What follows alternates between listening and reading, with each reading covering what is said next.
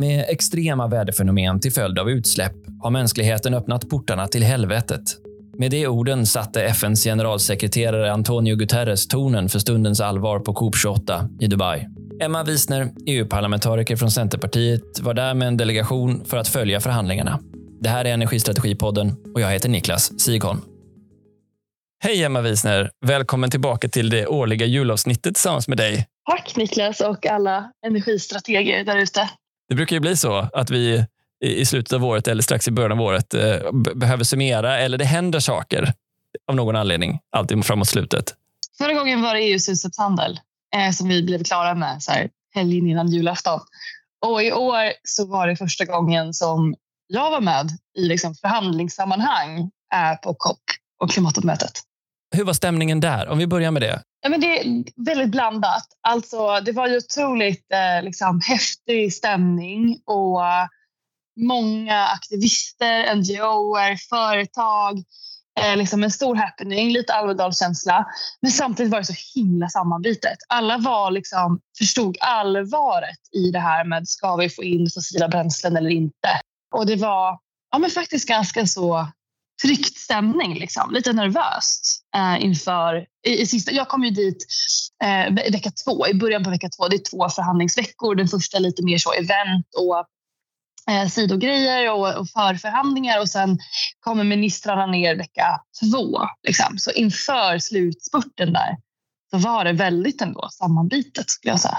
Hur många förhandlingsgrupper är det på ett sånt här möte? Eh, alltså varje land eh, sitter och är eh, med i förhandlingarna. Men EU förhandlar ju, EU-länderna förhandlar under EU-flagg. Men det är liksom förhandlingsteam runt om varje minister som är den som för talan. Så det är ju en himla massa. Och sen en massa kring observatörer som det heter. Liksom kring eh, NGOs och eh, institutioner av olika slag som är med och bevakar och som också tillträder till förhandlingsrummen som har sina delegationer. Så det var också härliga liksom, protester på plats. Det var unga NGO-aktiva eh, som eh, fick prata och hade olika liksom, kampanjer och skyltar och budskap och trummor och allt vad det var liksom, inne på området. Han du prata också med dem? Eh, ja, verkligen. Flera grupper. Så alltså, jag ska bara tydliggöra min roll då. Så att jag var i Europaparlamentets delegation och Europaparlamentet förhandlar inte utan det är EU kommissionen som har alla tjänstemän och experter som jobbar liksom permanent med förberedelser inför COP. Men sen är det ordförandeskapet, alltså ministerrådet, som är rösten och spokesperson. Kommissionen är ju egentligen mer tekniska. Så att klimatkommissionären från EU-nivå, Wopke Hoekstra var där. Eh, och sen var det även spanska ordförandeskapet som liksom förde EUs talan. Så de hade liksom tandem, de körde dubbelt. Vi i parlamentet är, var ju liksom inte så med och förhandlade men vi granskar ju kommissionen och rådet. Det är vi som ska implementera all lagstiftning sen och är den granskande makten och de folkvaldas insyn. Så vi hade ju insyn och kontinuerliga avstämningar med EUs liksom förhandlingsdelegation och vaktade liksom EUs mandat och har ju chans liksom att trycka på medialt, gå ut och kritisera om man tycker att EU-länderna agerar fel. Men vi är ju inte direkt förhandlande så. Och det gjorde ju att, att vår delegation var ju framförallt där för att granska och syna men också hade en himla massa egna möten. Men jag tänker också att det är så många olika typer av frågor här att diskutera. Det är flyg och sjöfart, utsläppsrättshandel. Det är naturligtvis eh, den, det övergripande dokumentet eh, om, om antaganden kring det fossila som det har varit så mycket efterdebatt kring. Hur snittas den här korven? allt samtidigt. Det snittas inte ens. Utan, eller det är liksom inte pyttipanna. Man hackar i bitar och sen steks alla samtidigt. Så man delar upp det i förhandlings Eh, rum Och det var ju 20 plus olika frågor som skulle lösas. Rad olika ämnen. Allt från livsmedelsfrågan och liksom livsmedelsproduktionens roll.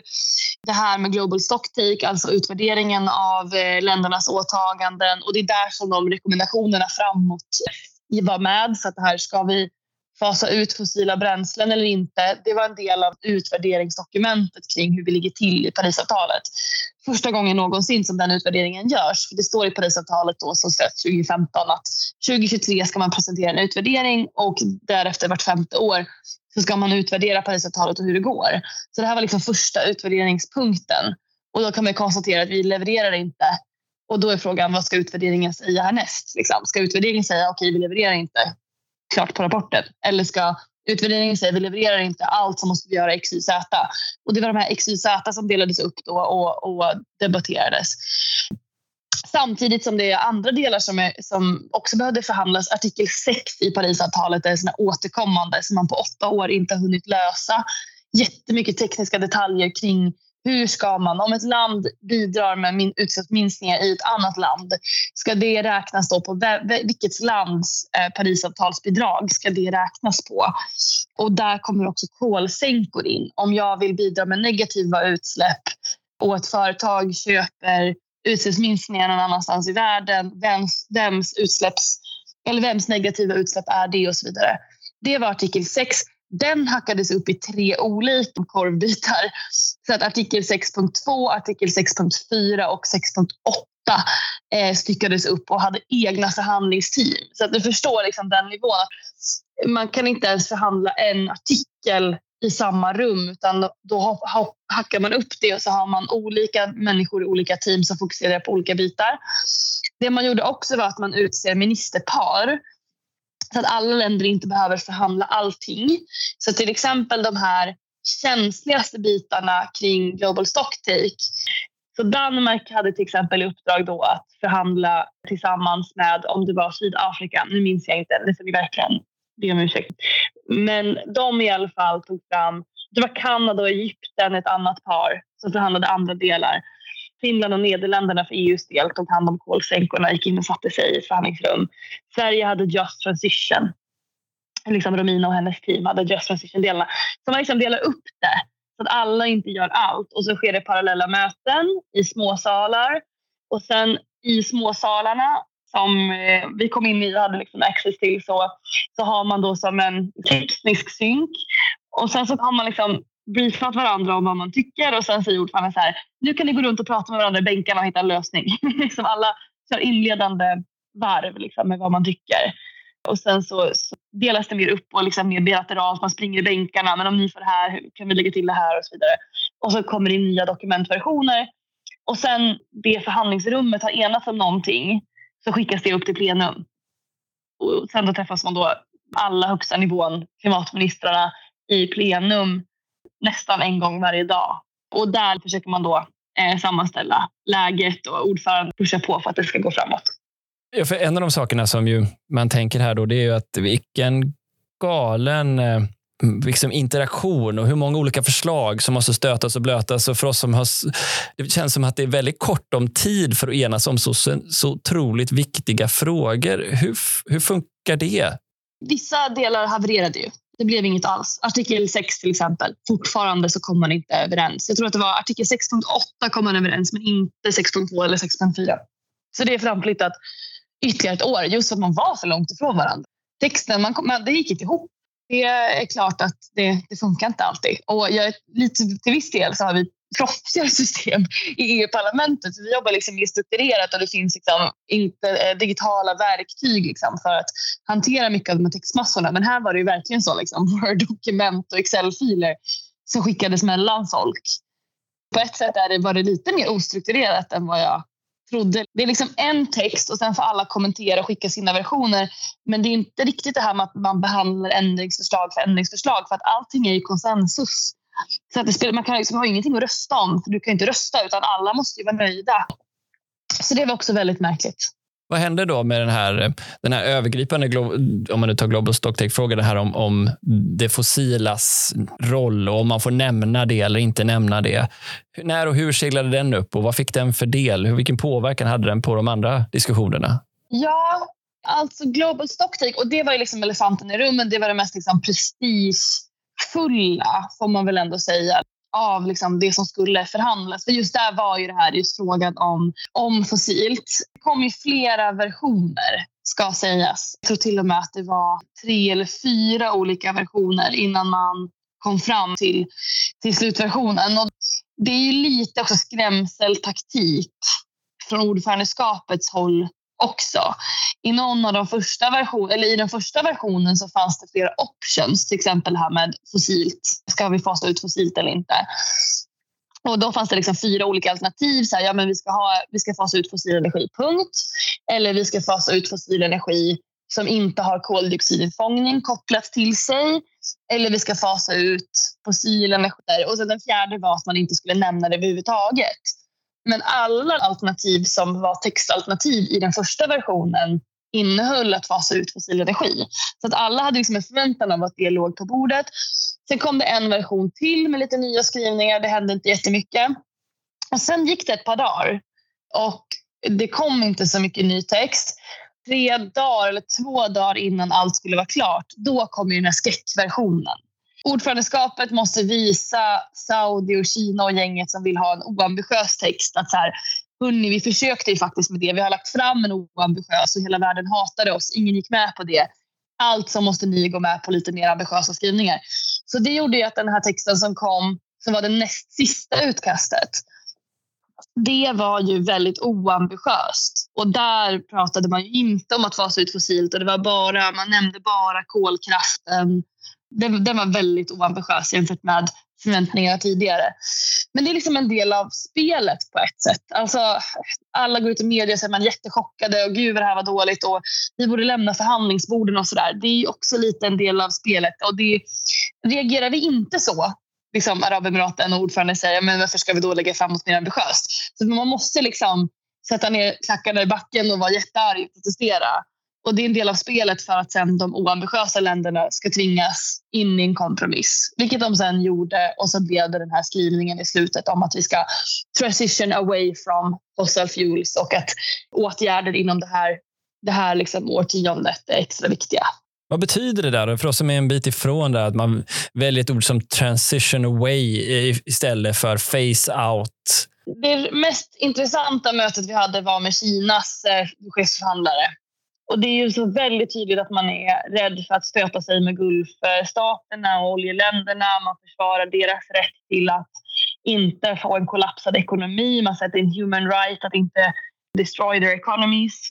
På samma sätt som att det är en human right att, att kunna bo kvar på sin ö som man bor på. Vilket blir väldigt märkligt när man likställer de två. Men, men på fullaste allvar så, så sitter han och säger det liksom rakt ut. Att det, vi kan inte förstöra deras ekonomier och då kollapsar deras ekonomiska system. Så det var väldigt tydligt. Och, men samtidigt så, Kinas förhandlare liksom sitter ju ändå och skrattar och är glad och trevlig och säger så här, vi är öppna för vilken, vilken skrivning som helst så länge vi inte skriver face out hos fuels. Ja, så himla surrealistiskt. Ni säger att ni är öppna för att förhandla men det som vi vill förhandla om det vill ni absolut inte röra så vet man liksom det spelet som de spelar. Men i slutet av dagen så blev det ju då liksom också, Kina fick väl också kompromissa för att nu nämner man fossila bränslen men transition away istället för face out. Och jag tror faktiskt att det kan vara ett påhitt från Kinas sida. kan ha varit ja, men, öppna för det. Man säger inte slutgiltigt nej till fossila bränslen. Som tur är importerar ju Kina också mycket fossil energi. Liksom och gillar inte att vara beroende av andra. Så eh, det, det stärker tyvärr. Medan Saudi eh, var ju väldigt, väldigt, väldigt emot. Och hade Förenade Arabemiraten inte varit ordförande hade de också varit väldigt, väldigt mycket emot, tror jag. Så det är många som liksom vill skylla på ordförandeskapet varför det gick dåligt. Men det tycker jag är att göra lite för lätt för sig. Alltså, vi hade ju klimattoppmötet i Köpenhamn med ett fantastiskt eh, ordförandeland och det gick ändå åt fanders. Liksom. Här tvingades de ta mer ansvar alltså, än vad de annars kanske hade gjort? De tvingades att ta ansvar. De ville väldigt gärna avsluta i tid. Han var väldigt så committad till att skapa resultat. Han sa ofta så här, vi har hittat ett nytt sätt att göra klimattoppmöten. Titta, vi har lovat den här loss and damage-fonden och målet om förnybar energi. Det har vi lyckats med liksom vecka ett. Eh, som jag sa, vecka ett brukar vara mer kringmöten och så.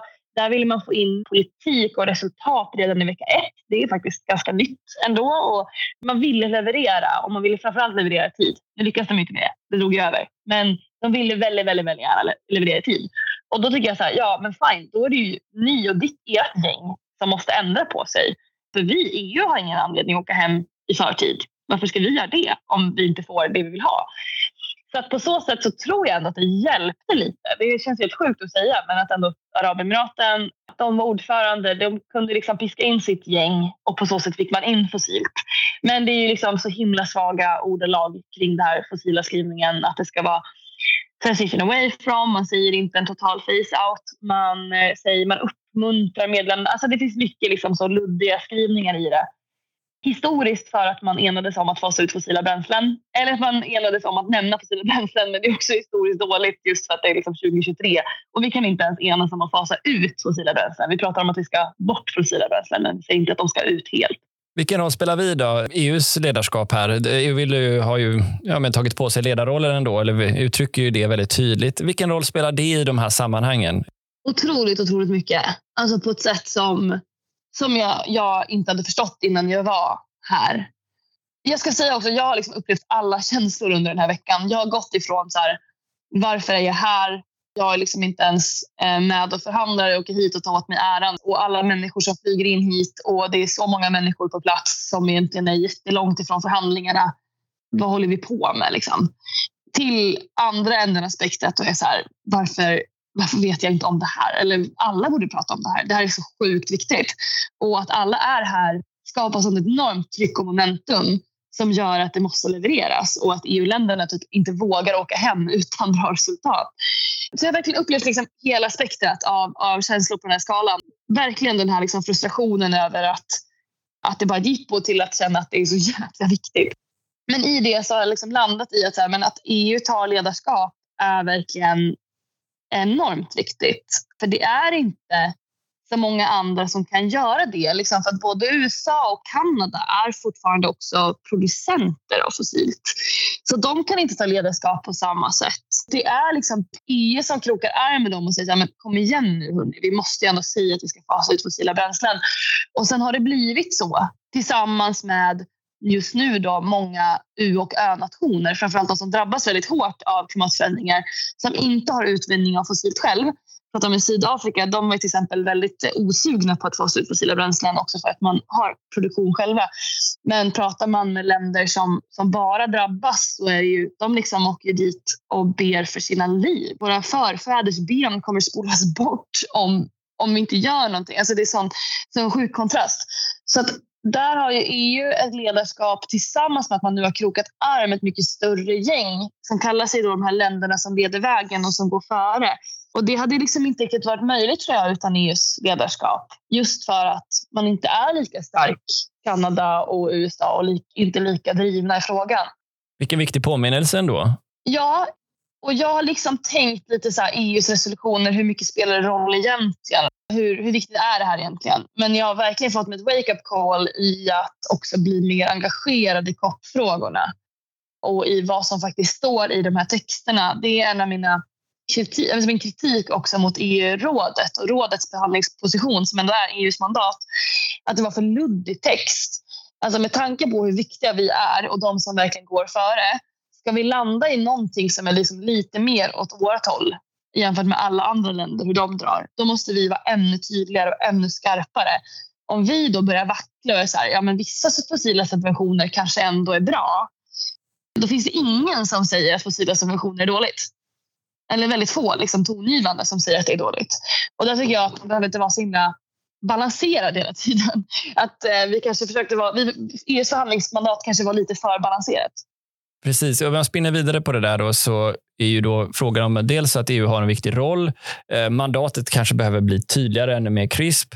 Och sen är det ju också då hur man bygger allianser och vilket ansvar EU ska ta. Jag, jag hänvisar tillbaka till diskussionen som jag hade med Jan Hassler där han säger att ja, men vi kanske inte, det är inte så lätt att ta ett utsläppsansvar utanför EU för där finns inget tydligt system. Men vad borde EU göra här? Vad, vad, vad blir som kontentan av hur vi tar ansvar som Europa för den här frågan? Ja, men jag har liksom fem lärdomar av den här resan. Och Det första var ju då liksom förhandlingsmandatet. Som sagt, att om, om vi är liksom världsledande på global nivå, då måste vi också vara ledande. Så att där, där hade vi behövt vara mycket tydligare sätta ner foten. Det andra är det som du nämner nu, ansvarsfrågan. Alltså vi behöver fler vänner. Vi behöver fler länder som också sympatiserar med att fasa ut fossila bränslen. Vi behöver liksom med oss Sydafrika. Vi behöver ha fler länder som också ställer upp på det som vi driver. Och det kan man antingen göra genom att gå runt och föreläsa om klimatförändringar liksom, och tycka att man ska banka eh, fakta i huvudet på folk. Liksom. Men jag tror det är ett det är ett svagt argument och det blir också lite det här att vi i EU tycker att vi är så himla mycket bättre än många andra. Det finns väldigt många smarta, kloka, högutbildade människor runt om i världen. Folk är inte ignoranta för klimatförändringar. Det är inte det. Liksom. Um, utan här måste vi lite kliva ner på hästen eh, och inse så här, men vad, är det som, vad är det som på riktigt stoppar de här länderna från att, att vilja ta ansvar. Och det är ju framför allt budgetfrågor. Och ett land som Maldiverna där 40 procent av statsbudgeten är klimatanpassning. Landet försvinner. Stränderna försvinner, det vittrar sönder, deras VA-nät tränger in. Det tränger in liksom en himla massa... Saltvatten antar jag då? Ja, precis. Saltvatten. Det är svårt för ett sånt land att ta liksom större kostnader för klimatarbete generellt. Och där är klimatanpassning, alltså det är inte konstigt då att man ber om hjälp att också finansiera klimatanpassning. Klimatanpassning är också väldigt svårt att finansiera, finansiera privat. Det är väldigt få företag som är intresserade av att rusta upp VA-näten. Det blir väldigt mycket statliga utgifter. Medan pratar man liksom att minska utsläpp så finns det mer cool teknik och nya tekniska lösningar och investeringsvilja. Därför är det lättare att också säga att ja, men andra kan vara med och göra jobbet för att minska utsläppen och ta nya investeringsbeslut. Men, men när det kommer till anpassning så är man väldigt ensam. Dominikanska republiken, jag tror de har 400 miljarder dollar varje år i sin budget för klimatanpassning. Pakistan, jättestora problem med att saltvatten tränger upp på åkrarna, jättesvårt att odla. De räknar med att 20 procent av, av jordbruket kommer att liksom slås ut. Vad är din bild av den här nya fonden för eh, skada och förluster? Vad tror du om den? Vad är din bedömning? Ja, men det, det är att den är pytteliten. 700 miljoner dollar. Dominikanska republiken behöver varje år 400. Det är ett land, eh, kanske två max på sin höjd. Eh, räknar man om Sverige skulle bidra med lika mycket som Danmark till den här fonden, vilket jag har försökt få regeringen att göra. Danmark har lovat två gånger 25 eh, miljarder dollar, miljoner dollar. Det är alltså eh, 523 miljoner svenska kronor. Det är som ett halvt kraftvärmeverk. Det är så löjligt liten summa. Men det var en väldigt viktig politisk signal att den här fonden skapades. För det hade man underskattat förra klimattoppmötet från EUs sida när man inte godkände fonden så tog det väldigt mycket syre från allt annat i förhandlingsrummet och för, för sent kom man på. EU-länderna tror jag gick med på den här fonden så här, näst sista dagen. Och då var det liksom för sent att prata om utformning och allting så man hann inte med det här tekniska. Som vi sa, det är väldigt mycket som händer samtidigt och många människor som är absorberade av de här processerna och det, det, det hanns liksom fysiskt inte med. Och det blockerade resultat på en massa andra områden. Att man nu kunde enas om den här fonden dag ett var ju jätteviktigt politiskt för framför allt ö-nationerna, de här liksom minsta ekonomierna som drabbas hårdast, att de kunde få den här fonden, att eh, den kunde ligga hos Världsbanken, för det var det det var kontrovers kring, vem ska administrera fonden. Man, till slut kunde man enas om Världsbanken, kan jag tycka, det är en ganska lågt hängande frukt. Och att man liksom fick, fick den frågan ur världen, det betyder jättemycket liksom, ur ett förhandlings strategiskt perspektiv snarare än kanske historien för den är ju liksom superkluttig. Men där, så min andra lärdom är att EU skulle behöva skaffa fler vänner och fler vänner skaffar man sig genom att ta större ansvar internationellt, inte bara för att minska utsläppen utan faktiskt också för att hjälpa till med klimatanpassningsfrågan. Och det finns också en ideologisk aspekt av det, att det är liksom våra utsläpp som drabbar de länderna. Det är inte, de är inga stora utsläppare själva. Så det finns två anledningar. Dels för att det är rätt att göra det ideologiskt, att ta ansvar för det du har släppt ut historiskt, men också två för att förhandlingstaktiskt så underlättar det väldigt mycket på plats och vi får fler allierade. De länderna kan istället för att fokusera på fonden fokusera på att fasa ut fossila bränslen till exempel. Ja, men vad var det tredje? Tredje är ju att våra fiender är för mäktiga alltså oljeländerna och Gulfländerna. Liksom. Att vi har för starka motståndare och för många motståndare och länder som inte borde vara motståndare är motståndare. Och det, då måste vi avväpna dem. Då är ju ett sätt rent krasst att minska vår användning av fossil energi. Ja, för deras argument är väl bara att men hallå, det är inte vi som konsumerar det här, det är ju ni. Exakt. Förenade Arabemiraten, deras eh, parlamentsledamot som hon kallade sig, hon berättade, och jag har inte fakta på den här siffran, jag kan tänka mig att det är för elproduktion, men hon sa energianvändning, att de bara är olje eller fossilberoende till 27 procent i sitt energisystem. Jag tror att hon menar sitt elsystem. Säg då att det är något av dem. Till 27 procent. Och det menar hon, det är väldigt mycket lägre än i många EU-länder. Och det har hon ju rätt i, även om det bara är elsystemet. Att eh, det är, de, är inte, de använder inte jättemycket olja själva heller, utan de har, har ju bland annat kärnkraftverk och eh, solceller och allt möjligt. Och har ändå börjat investera i mer förnybart, vilket är ironiskt. Men det har de gjort i alla fall. Och det gör ju att de pekar finger på oss och bara, men det är ni som använder de här bränslena. Ska ni säga åt oss att vi ska sluta pumpa upp det, men det är ju ni som använder och köper det. Borde det inte vara tvärtom? Och på så sätt har de ju rätt. Det är ju vår, vår efterfrågan på fossila bränslen som driver utvinning och produktion av fossila bränslen. Så där måste vi göra hemläxan och verkligen minska användningen av fossilt och visa att efterfrågan kommer också minska. Så det är bättre för er ekonomiskt att ställa om och diversifiera också er portfölj och komma in i framtiden och inte vara den sista kvar. Liksom. Eh, så avväpna fienden är nummer tre. Ja, ta oss vidare genom resan. och Dina erfarenheter nu då. Vad, vad kommer nu näst på tur? Mm, nummer fyra var att det var liksom, typ artikel 6. Det var väldigt mycket tekniskt som var svårt att få på plats. Och där tycker jag liksom att COP-mötena kan liksom inte vara ett tomtebloss i december. Det blossar upp en gång om året och då helt plötsligt inser man oj, det här var viktigt. Utan väldigt mycket nu kom tid kommer läggas på att förbereda framtid. Alltså vi måste lägga tid nu på att förbereda framtida COPs och ta fram underlag. Till exempel det här med kolsänkorna och det här med att, att eh, eh handla med utsläppssänkningar mellan länder. Där har vi på EU-nivå jobbat fram en standard och tekniskt hur ska det gå till? Hur ska man, hur ska man särskilja liksom, olika sorters kolsänkor? Vad är en trovärdig kolsänka? Hur många år liksom, måste den lagras för att det ska vara en, en riktig kolsänka? Vilket typ av certifikat ska utfärdas så att det inte dubbelräknas? Så att det inte blir liksom massa bluff och båg.